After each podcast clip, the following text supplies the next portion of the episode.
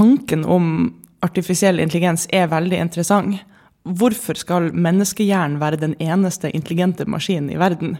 Det ville være rart.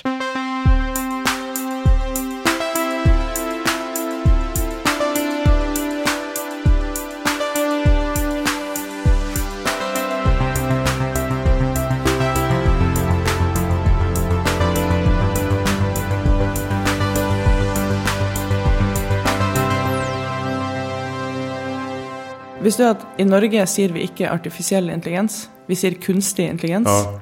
Og og det er så morsomt for meg på svensk. Kon konstig intelligens. Ja, jeg vet. Ja, ja, det, det er dagens vits. Du lyssnar på ett avsnitt av eh, podcasten Heja Framtiden. Jag heter Christian von Essen. Jag sitter idag hos eh, Polaris förlaget. Och eh, med mig här är Inga Strymke från eh, Norge. Välkommen hit. Tusen takk. Aktuell med en bok som heter Maskiner som tänker. Og, Och, och du är här och gör lite press och PR. Och Nyhetsmorgon var precis här inne. Ja, ja. I dag er det lansering eh, i Sverige. Superhäftigt. Och eh, maskiner som tänker handlar alltså om eh, AI, artificiell intelligens eller som du nämnde tidigare, eh, kunstig intelligens som det heter på norska. Ja. Og det har jeg lært, at man kan ikke si kunstig intelligens i Sverige. For det blir, eh, det blir litt for morsomt. Ja. Vi kan ta lite om din bakgrund. Du, du är doktor i partikelfysik. Ja.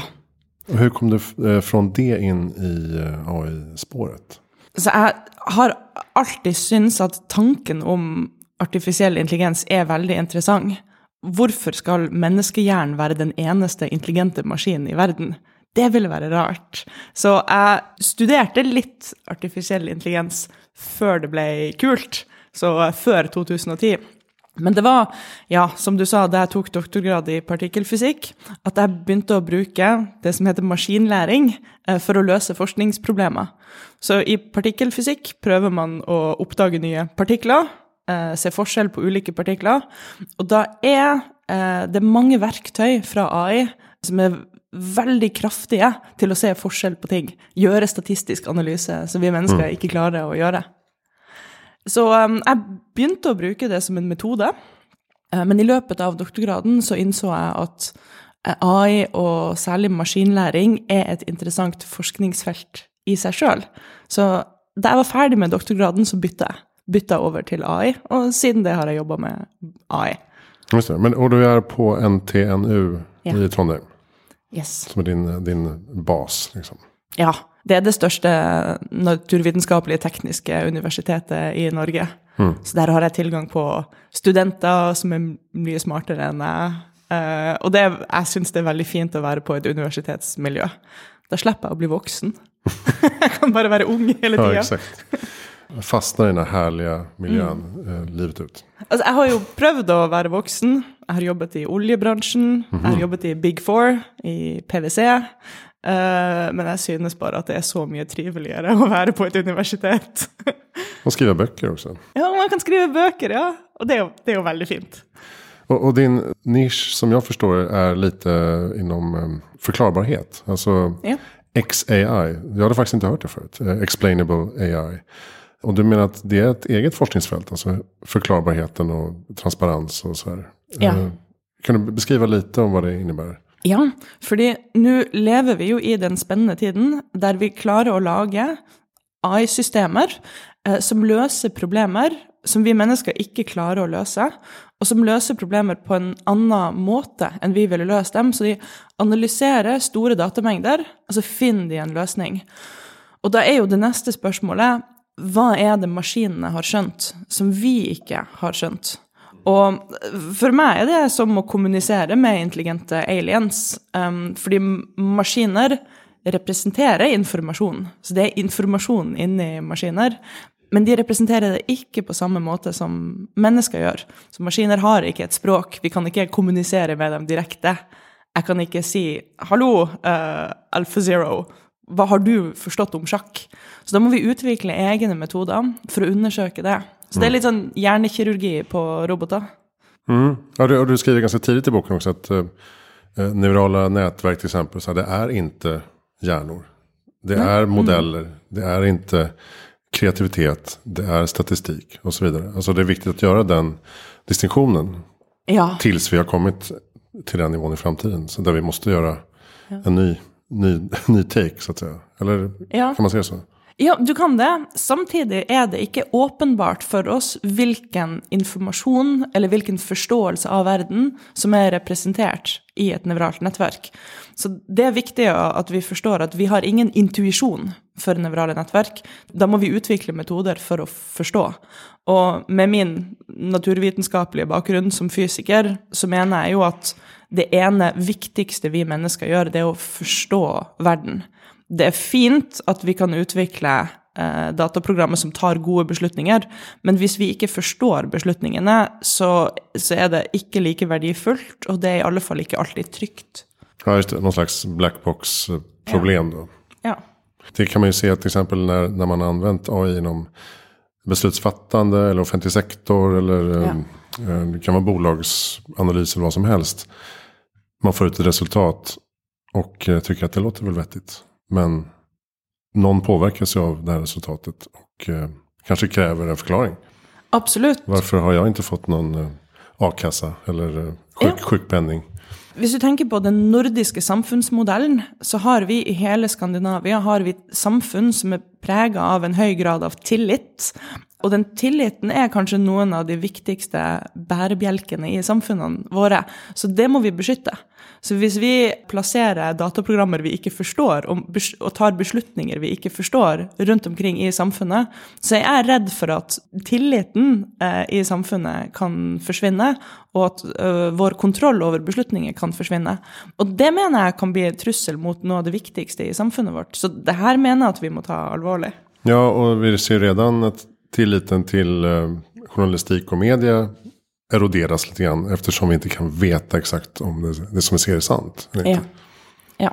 Og vi går jo faktisk inn i en fremtid nå der tekst, eh, bilder, video, lydfiler kan være generert uten at vi har noen mulighet til å finne ut om det er generert eller ekte. Så vi kommer til å måtte tenke nytt her. Vi kommer til å måtte finne en ny måte å verifisere innhold og, å opprettholde tillit på. Så f.eks. journalistikk tror jeg kommer til å gå gjennom en transformasjon. Ja, og man har hittil sagt at uh, det beste settet å upptäcka AI-generert innehåll er å anvende AI i seg. Men du mener at det rekker ikke längre? Nei, kanskje er det ikke nok nå allerede, men i alle fall i fremtiden så vil det på et tidspunkt bli umulig å bruke teknologi for å oppdage eller detektere om noe innhold er generert. Da kommer vi til å måtte enten finne ut hva som er kilden til informasjon, eller så må vi lage verifiseringsprosedyrer. Eh, altså, vet ikke, noen digitale protokoller for å verifisere avsender. Eller, det jeg håper kommer til å skje, så må vi ha mediehus eh, som fungerer som trusted actors, som sier vi, vi, vi garanterer at denne informasjonen er riktig. Även, även det blir svårt. Altså... Det blir òg vanskelig. Ja, det, det blir ikke lett. Det blir det ikke. Hvordan ser forskningsfeltet kring AI ut i eh, Norge f.eks.? Er Är det blomstrande? Er det på oppgang?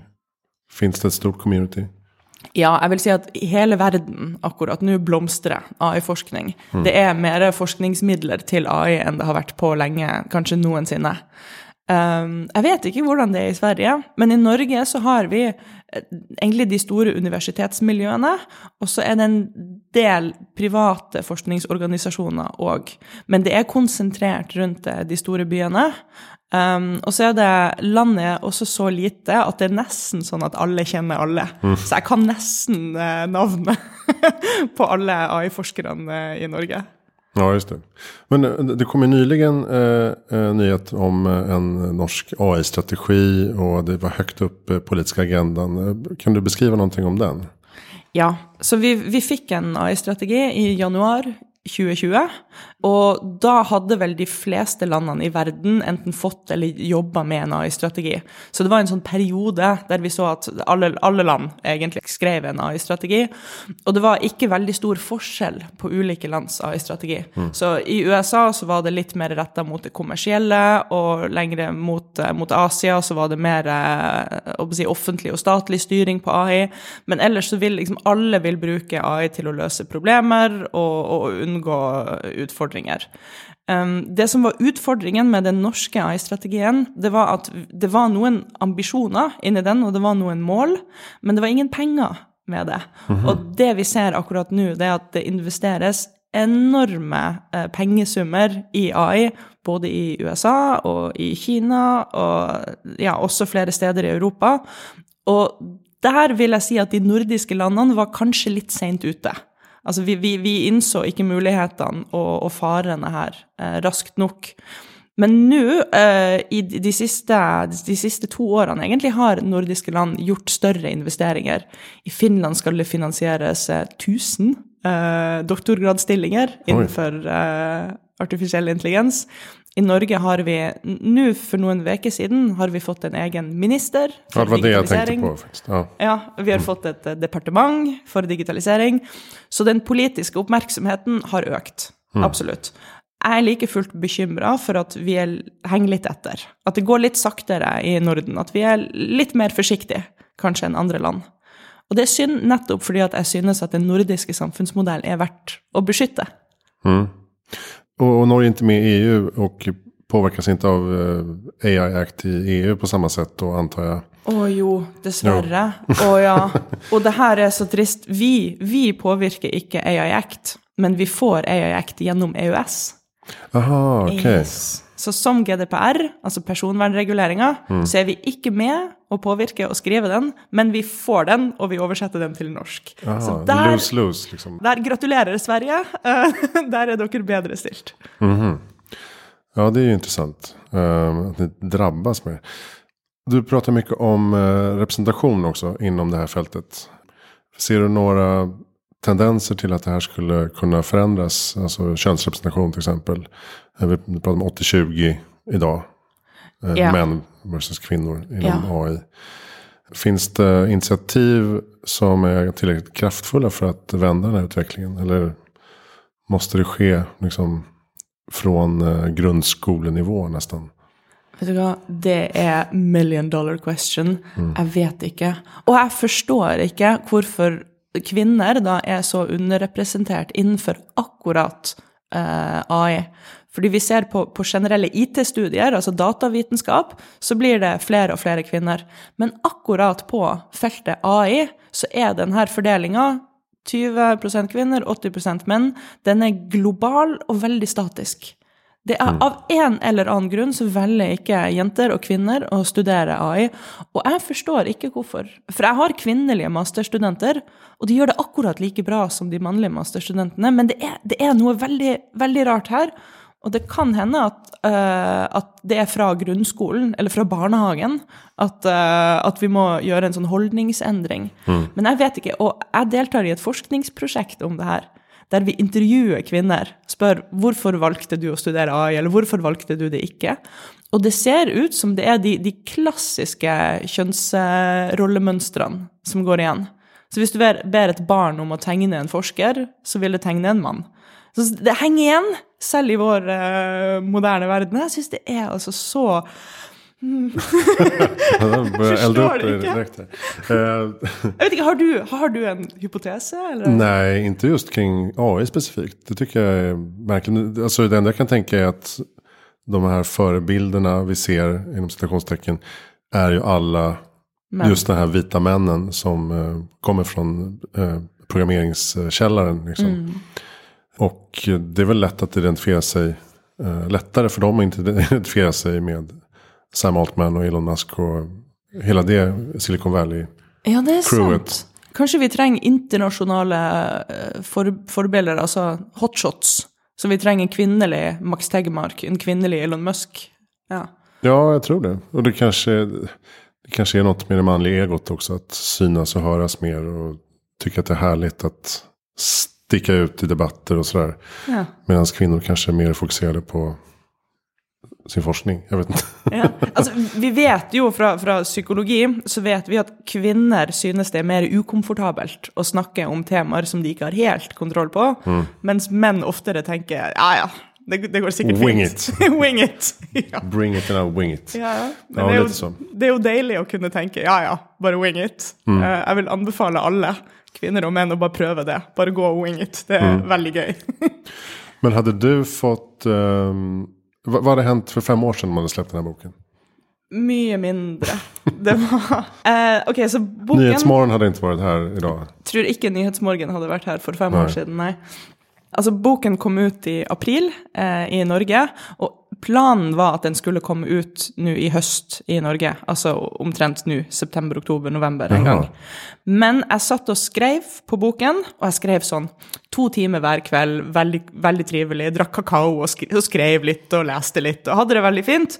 Og så kom ChatGPT i november eh, 2022. Og da ringte jeg redaktøren min på forlaget og sa den boka her, den må ut nå. og da fikk jeg permisjon fra jobb. Så i hele desember så dro jeg til en sånn norsk hytte på fjellet. I, ja, hele desember. Låste meg inne, gikk på ski og skrev bok. Eh, og da fikk jeg den ut i april. Og det tror jeg hadde mye å si for populariteten til boka i Norge. For det eksploderte helt. Den, den, den var den nasjonale bestselgeren i 15 uker på rad. Oi. Ja, altså, det er helt, helt utrolig at en teknologibok kan gjøre det. Men det er jo fordi folk hører om AI på nyhetene, og så tenker de jeg forstår ikke det her, og det virker skummelt, og ekspertene sier at det er en eksistensiell fare, og, så jeg tror det var en, en sånn hunger etter å forstå. Så timing, eh, det vet hele i mediebransjen, timing er alt. Mm. eh, och och nu är du också nominerad till, hva vad heter det priset i Norge? Den heter Brageprisen. Brage, just det. Ja, en litteraturpris. Motsvarande Augustpriset i Sverige ungefär. När du läser och hör alla de här eh, liksom, domedagsprofeterna och eh, existentiell risk och hot och sådär.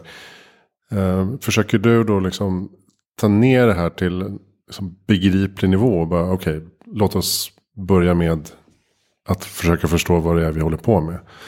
Ja. Jeg prøver å dra det her ned på, på, på bakken, eh, og til, til en mer si, mundan diskusjon. Og jeg prøver det så hardt at uh, det er flere som har blitt provosert av det. For jeg, jeg har sagt at uh, AI er ikke en eksistensiell trussel. Det er store problemer og utfordringer her, men de er på et helt annet nivå. Eh, Så det har jeg fått kritikk for. Men jeg mener virkelig at det viktigste vi kan gjøre nå, det er å finne ut hvordan vi skal bruke AI. Altså, altså vi, vi, i de landene der vi, der vi har kontrollen, eh, og som er demokratisk styrte, hvordan kan vi bruke AI til å løse problemene våre eh, på en måte som, som vi kontrollerer og ønsker. Og så er det om AI er, er en eksistensiell trussel på nivå med klimakrisen, så, så vi, har, vi har ikke sett noen faktiske eksempler eller indikasjoner på at vi har et sånt trusselnivå fra AI. Men det vi ser, det er det at offentlig sektor, eh, velferdsstaten, ikke klarer å ta i bruk denne teknologien så mye som de kunne gjort. Så vi klarer ikke å utnytte de positive mulighetene. Vi klarer ikke å oppdatere regelverket våre, tolke lovene våre i denne nye konteksten. Og det er der vi må ha fokus, for det er der vi har kontroll. For at det hele tiden blir overvikt på riskene og det negative, mener du? Ja, det er mye, men altså, veldig, veldig mye av utfordringene er sånne, sånne kjedelige ting som IT-sikkerhet, eh, brukergrensesnitt, eh, tolkereguleringer, personvern. Altså sånne veldig faglige, eh, mundane diskusjoner. Men jeg mener at det er der vi må ha fokus. Og det er så klart ikke like sexy som at Max Tegemark sier at nå kommer robotene. Men det er, jeg syns det er en mye viktigere diskusjon. Fordi at vi må ha diskusjon der vi har kontroll, og der vi kan påvirke. Ja, ja, det kan bli litt eh, eh, svårt å greppe en diskusjon som kanskje rører seg om 200 år i framtiden. Ja. När det är så här, ja men hur ska vi hantera det här nu? Ja. Eh, Du tar ju upp liksom i boken med så här, hur ska vi utforma juridik som kan säkerställa att det här blir eh, rättvist och säkert att använda? Hur ska vi ha persondataintegritet? Hur hanterar vi GDPR? Alltså alla sådana saker. Det lägger ju liksom grunden just nu for den här framtiden. Nemlig yes, det er poenget. Hvordan utviklinga i dag er det som styrer hvordan det kommer til å være om 200 år. Altså, vi skaper jo fremtiden. Fremtiden kommer ikke bare. Og det er greit, vi kan diskutere hvordan verden skal se ut om 200 år, men det er så stor usikkerhet rundt det. Altså, Vi vet ikke hvilken energikilde vi har om 200 år. Vi vet ikke om økosystemet har kollapsa. Vi vet ikke om vi har forlatt eh, jordkloden. Altså, det, er, det er så stor usikkerhet, men hvilke utfordringer vi har i dag, det vet vi. Så jeg, jeg prøver virkelig å få fokuset ned på det. Hva gjør vi med eh, digital manipulasjon, digitale ekkokamre, atferdsbasert markedsføring, altså ting som brukere utsettes for i dag, og kanskje ikke vet at de utsettes for, og kanskje ikke kan forsvare seg imot? Mm. Og, og, etisk AI är, är har jo vært et um, veksende begrepp i, i ja, fem års tid skulle jeg si. Ja. Eller eh, ansvarsfull AI pratar man om, responsible AI och sådär. Och så vis- vissa menar då att eh, det finns inte riktigt. Utan det handlar om användaren. Alltså det är människor som ska vara etiska i sin användning. AI i sig har ingen etik och moral. Datan i sig är inte biased på något sätt. Det är bara data. Ja. Blandar man ihop de här sakerna lite grann? Ja, så det er to ting her, da. Det ene er at jeg tror det her um, responsible AI det har, det har blitt en sånn PR-greie. Det, det, det har blitt en sånn marketing buzz eh, fra store selskaper. Eh, så akkurat den diskusjonen er veldig, veldig stor og, og, og uoversiktlig. Um, det andre er at når vi snakker om etikk, så snakker vi ikke om én teknologi eh, isolert sett. Når man snakker om etikk, så må man snakke om eh, ulike interesser opp mot hverandre. Man må snakke om en kontekst teknologien skal brukes i. Så det er riktig at jeg tror ikke du kan se på et nevralt nettverk og si det her er etisk eller det her er uetisk. Du må snakke om hvilke mennesker som skal bruke det, eh, hvilke mennesker det skal bli brukt på, hvilken kontekst det skal bli brukt i. Så etikk er et fagfelt som er veldig annerledes enn naturvitenskap. Det er, det, det er kontekstavhengig. Så finnes jo argumentet også att ja, men den eh, baseras på um, gammal data och därmed blir den biased, eh, snedvriden mot att till exempel rekrytera män istället för kvinnor. Och då kommer nästa argument att ja, men det är ganska enkelt att ändra det i algoritmen. Det är ganska svårt att ändra alla rekryterare i hela landet. Ja. Deras algoritm, i deras, deras bias, Ja. snedvridning. Så att det är egentligen kanske ett mindre problem i algoritmerna. För att de är lätta att ställa om. Jeg vil si det er et mer håndterbart problem. problem ja. ja. fordi, som du sier, hvis vi lager et digitalt system, um, så vil det skalere mye mer. Altså det er mye lettere å koordinere hvordan eh, 1000 datamaskiner oppfører seg, enn hvordan 1000 mennesker oppfører seg. Eh, så der er jeg helt enig. Så det betyr at det vil være lettere å innføre en god praksis i stor skala. Men hvis det er noen problemer med de her digitale systemene som vi ikke vet om, så vil vi også skalere de problemene eh, mye raskere. Ja, så det er, det er denne her uh, great power, great responsibility-diskusjonen som kommer inn. Men jeg er helt enig i at hvis vi kan lage eh, dataprogrammer som tar beslutninger, så har vi en mulighet til å koordinere en bedre praksis eh, som vi aldri har hatt før. Og det er jo det at vi må gripe den muligheten. Och sen du skrev boken så har ju också mycket hänt antar jag. Det fanns väl inte ens GPT-4 när du skrev. Eller du kanske fick in det till slut. Fantes GPT4 i vår? Kom inte det på Eh, i februari någonstans där? Ja, jo da. Men da hadde jeg vet du hva, Nå husker jeg ikke om jeg skrev spesifikt om PS GPT4. uh, i- både ja og nei. Det jeg syns er spennende nå, det er at AI har blitt forbrukerteknologi. Du kan gå og bare bruke AI uten å ane hva det er, uten å forstå hvordan det fungerer. Så innenfor forbrukerteknologi har det skjedd mye siden boken kom ut for et halvt år siden. Men på den rene forskningen har det faktisk ikke skjedd store ting. Nei. Eh, og, og sånn er det på, på, på forskningsfronten, så vil jeg si vi har et stort gjennombrudd kanskje annethvert år, hvert tredje år. Men det som når forbrukerne, det som pakkes inn i fine brukergrensesnitt og folk begynner å bruke, der skjer det jo noe nytt en gang i vekka. Altså, det er bare Det er en utviklingshastighet som ingen bok eh, kan ta høyde for. Nei, man orker jo ikke ens lese nyhetsbrev lenger Nej, om, om AI. Bare, ja. This week in AI. Man bare, nei, Å nei. nei takk. uh, nej, men jag, jag, jag gillar ju också de lång, långa, långa horisonten mer. Att man får en, en annan eh, typ av förståelse. Men jag tänkte på eh, en sak. Vi har pratat väldigt mycket eh, om large language models. De här stora språkmodellerna. Hur de funkar och det är statistiskt. Den baseras ju på statistisk sannolikhet. Vad är nästa bokstav? Vad är nästa ord? Och så vidare. Så att den, de är uppenbart inte liksom, medvetna eller tänkande. Men du skriver också om um, bildgenereringen. Alltså den generativa AI för uh, bilder och film og och sånt. Uh, diffusionsmodellen, diffusion models. Ja. Kan du förklara lite hur de funkar? För det är ju helt skilt från ja. LLMs egentligen. Fast Ja. den liksom bakas ihop i samma tekniksprång. Ja, alt det her kaller vi generativ AI. Eh, altså eh, AI-basert eh, programvare som skaper nye datapunkter. Tekst, bilde, lyd, eh, hva som helst. Men de fungerer, som du sier, helt ulikt. Altså Det var helt ulike forskningsfremskritt som ga oss eh, store språkmodeller. Det var Transformers. Og det her som ga oss eh, bildegenereringsmodeller, som er, som du sier, diffusjonsmodeller. Eh, og jeg som forsker synes diffusjonsmodeller er mye mer sexy enn Transformers. Det må jeg bare si. Um, så det en diffusjonsmodell gjør, det er at den starter med et bilde som er bare støy. Altså hver piksel har en tilfeldig verdi. Det er ingen informasjon i bildet. Just det, brus som, er, som an, ja, brus anvendes i boken. Tror jeg. Brus. Aha. Er det det svenske ordet for støy? Inte lesk på norsk. Nei, eh, ok, brus. Ja, greit. Ja, det, det, Noise. Noise, liksom. Noise, ja ok. Det starter med et bilde som er bare noise. Um, så tar du det her bildet, uh, og så sender du det inn i en diffusjonsmodell. Og så gjør den uh, det som kalles uh, noise reduction. Altså den, den tar bort litt, litt brus.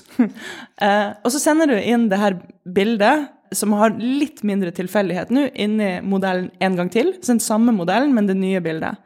Og det her gjør du eh, hundrevis av gang, kanskje tusen gang, og til slutt så er det bildet som kommer ut, så ser det ut som det kommer fra den virkelige verden. Så det er en sånn stegvis iterativ eh, noise reduction som til slutt fører til et bilde som ser helt ekte ut. Og det er her det som vi kanskje opplever som kreativitet, kommer fra. Fordi at de initielle verdiene er tilfeldige. Alle pikslene har tilfeldige verdier i starten. Og det er derfor vi ikke kan vite hvilket bilde det kommer til å bli. Og derfor opplever vi det som kreativt, for det er noe nytt hver gang. Men det er pga. denne tilfeldigheten i starten.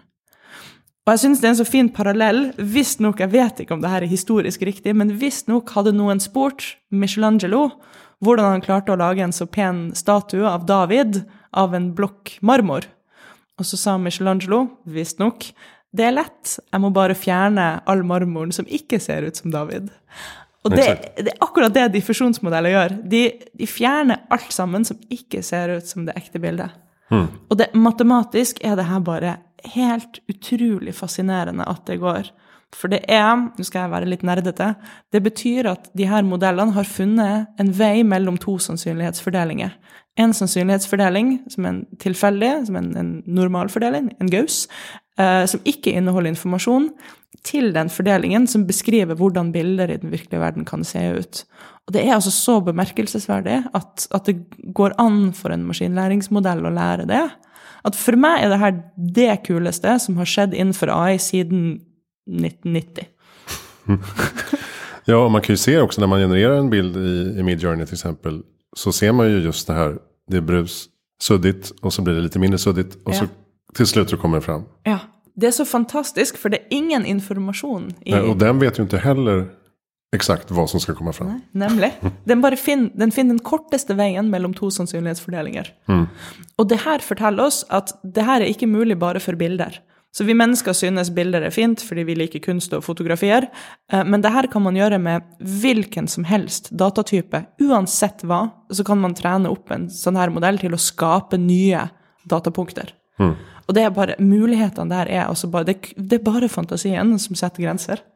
Men tror du att, eh, eller hur, hur ser du på den menneskelige kreativiteten. Mange blir urolige forstås at uh, ha, nu kommer ikke jeg ha noe jobb som illustratør eller fotograf eller kunstner. Eller journalist eller forfatter for, for den delen. Mm.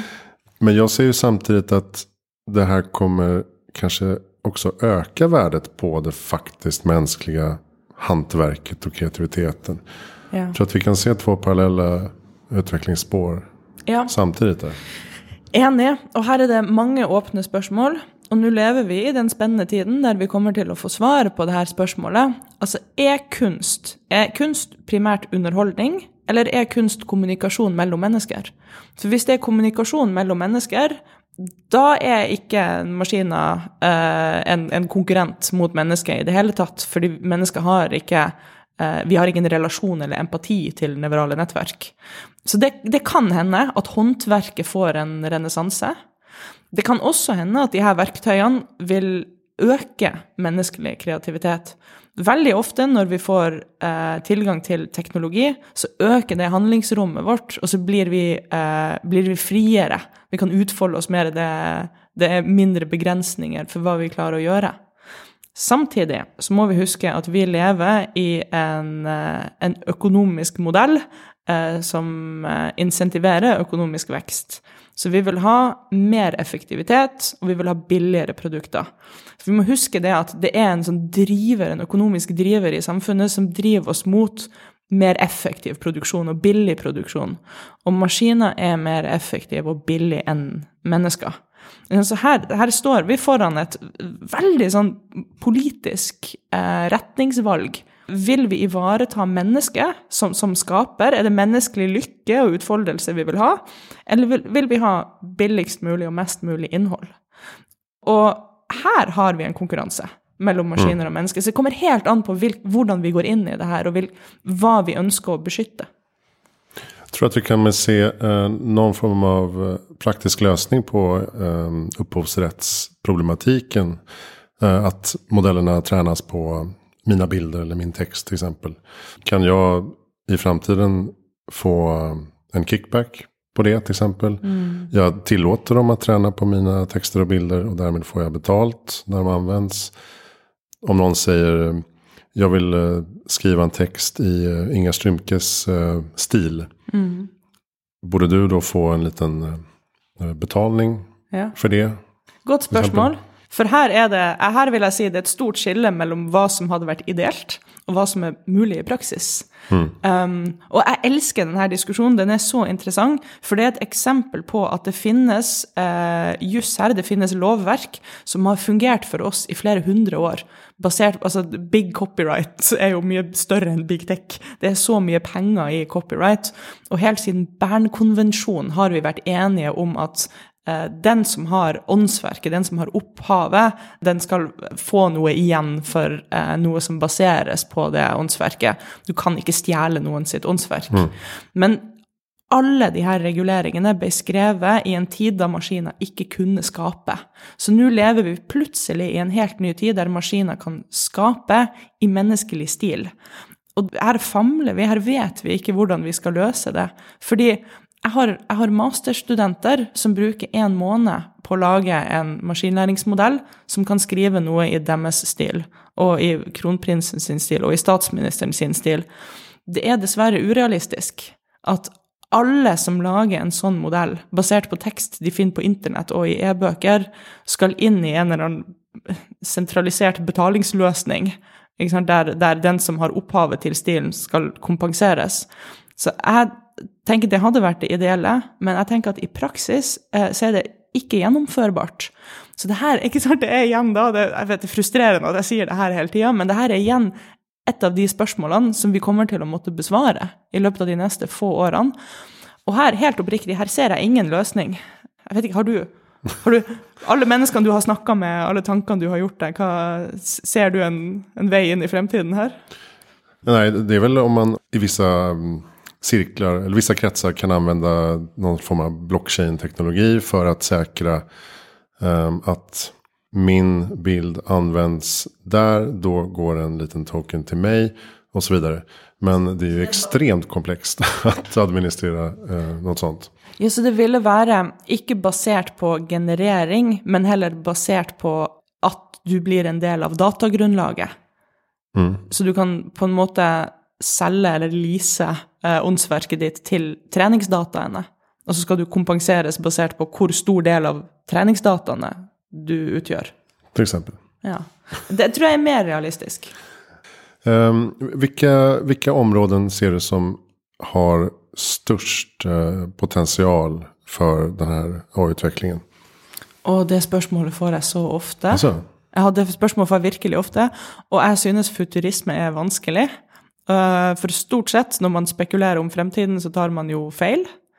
Det jeg kan si, det som er påfallende, det er at vi har forsøkt å få datamaskiner til å utføre kjedelige oppgaver. Altså kjøre bil, eh, samle søppel, eh, rydde opp. Det har vi forsøkt siden 50-tallet. Altså i, I 80 år har vi forsøkt å få maskiner til å gjøre menneske, altså oppgaver mennesker ikke vil gjøre. Og det har vist seg å være veldig utfordrende. Men bare på noen få år har vi klart å lage maskiner som skriver tekst, og mennesker liker jo egentlig å skrive tekst. Lage kunst, eh, lage musikk, lage video. Så det viser seg dessverre å være lettere å få maskiner til å gjøre de tingene som vi mennesker har lyst til å gjøre. Så det kan hende at det er kreative yrker som kommer til å merke det, og ikke tunge industrielle yrker. Eh, Og det synes jeg er en, en dårlig utvikling. Men det, det, det er vanskelig f.eks. å lage roboter som plukker opp en bit søppel uten å rive ned to biter med søppel. Så mennesker er fremdeles de beste robotene. mm. Jeg tenkte mer på om du hadde en sånn alltså Ja, medicin eller läke eller um, sjukvård eller utbildning eller industri. Ja. Jeg, jeg tror at det kommer an på hvilken sektor som først klarer å digitalisere. Fordi AI er jeg håper å si, sektornøytralt. Altså om, om jeg lager et nevralt nettverk som finner ny antibiotikakur, eller om jeg lager et nevralt nettverk som optimaliserer ruten til, stor, til, et, til et tankskip, så spiller det ingen rolle. Så jeg, ja, jeg vil si at det kommer an på hvilken av sektorene som først klarer å digitalisere, få orden på dataene sine, og som klarer å lage de riktige AI-modellene. Eh, Så jeg har eh, ikke et eh, godt svar på det. Jeg skulle ønske jeg hadde et godt svar på det. Det var, hvem var det? McKinsey sa vel at det er transport og logistikk som kommer til å merke det først. Men jeg tror ikke at man kan si det sikkert. Jeg bruker fråga mine gjester uh, hva er ditt beste tips for å gjøre verden bedre i framtiden? Da må jeg jo si, som, som gammel fysiker, så må jeg jo si vi må forstå hva som foregår. Vi kan ikke ta gode beslutninger uten å forstå. Så det jeg vil si Ja, én ting det må være kunnskap. Um, også åpenhet og ærlig kommunikasjon. Jeg er jo veldig redd for uh, uh, den store misinformation-situasjonen som vi står i nå. Neste år blir, eh, blir supervalgåret. Aldri før i menneskets historie har så mange mennesker gått til demokratiske valg som vi skal gjøre i 2024. Um, og jeg, jeg, der tror jeg at den største trusselen er mangel på kunnskap. At man ikke forstår hva som er sannheten. Så kunnskap må være det korte svaret. Og selvkritikk og kritisk tenkende. Og... Ja. Alt, alt som fører med egentlig naturvitenskapelig tankegang. Mm, det. Men det er lett for en fysiker å si det. Alle må bli fysikere. Nei, det tykker jeg ikke. Uh, har du bra boktips eller poddtips? Og jeg hørte en podkast som jeg virkelig binget. Eh, Det heter 'Kvinnen med den tunge koffert'. Det er en dansk podkast, og det handler om en kvinne som egentlig har eh, Det viser seg å ha vært en bedrager hele livet sitt. Så er det en journalist som reiser og prøver å finne denne kvinnen med den tunge koffert. Og så viser det seg i serien at denne kvinnen er norsk. Så den danske journalisten havner i Norge, så han følger sporene hennes. Og jeg skal ikke spoile, men han finner kvinnen. Og kvinnen ender opp med å bedra journalisten. Så en fantastisk podkast. Syv episoder laga av ehm, Politiken. Ja, på er det? På dansk. Ja, men altså, vi forstår jo Vi forstår hverandre. Hvorfor får en tung koffert? Er det en spennende spännande saker der i? Som du ikke får avsløre? Eller? Oh, det, det vil jeg ikke si. Så, men det er en kvinne og en tung koffert og god underholdning. Wow. Ja, det, det tipset har jeg ikke fått tidigare. Eh, vem tycker att jag ska intervjua? Sjefen i oljefondet vårt, Nicolai Tangen, han intervjua Sam Altman, og jeg syns ikke han var kritisk nok. Så jeg syns du skal stille Sam Altman noen kritiske spørsmål. Hvorfor sier eh, Sam Altman og de andre CEO-ene i tech-selskap hvorfor sier de at de har lyst på regulering, samtidig som de investerer enorme pengesummer i lobbyvirksomhet i EU for å forhindre regulering? Der er det noen, det er noen maktkamper som foregår økonomisk og politisk akkurat nå, som jeg tenker må frem i lyset. Ja, verkligen intressant. Sam Altman är alltså vd för OpenAI. Ja. Som driver då ChatGPT bland annat. Blant Och annet. DALI. Bra, jag tror vi ska avrunda. Tack snälla Inga för att du kom till Heja Framtiden. Ja, tusen takk. Och lycka till vidare i Sverige. Eh, maskiner som tänker finns ute nu på eh, Polaris. Och eh, vi får se hur det går i Brageprisen helt enkelt. I Ja. Norge. När, när det är prisutdelning? 23. november, Ja, okej. og da er jeg i Thailand. Så jeg kommer ikke til å være der på prisutdelinga. Så du får spela in en sån här potentiell vinstfilm. eller? Ja, men hvor kunstig er det ikke? Tack Og så- snälla. Som nej, Og bare nei. Og så vite at den filmen finnes Ja, der ute. Nei, nei, nei. nei. Det er ganske kul om den dyker opp på nettet. Så. Jeg er så tacksam. Ja, og så bare nei. Ingen röstade på det. Nej, vi håller tummarna för det. Hejaframtiden.se för all information om mine mina snart 500 poddgäster. Uh, nyhetsbrevet finns på Substack. Förlaget heter Heja Framtiden Förlag. Det ger ut uh, egna små böcker med tänkande människor. Ta kontakt om du vill samarbeta på något sätt i partnerskap, ambassadörskap. Jag heter Christian von Essen. Tack för att du lyssnade.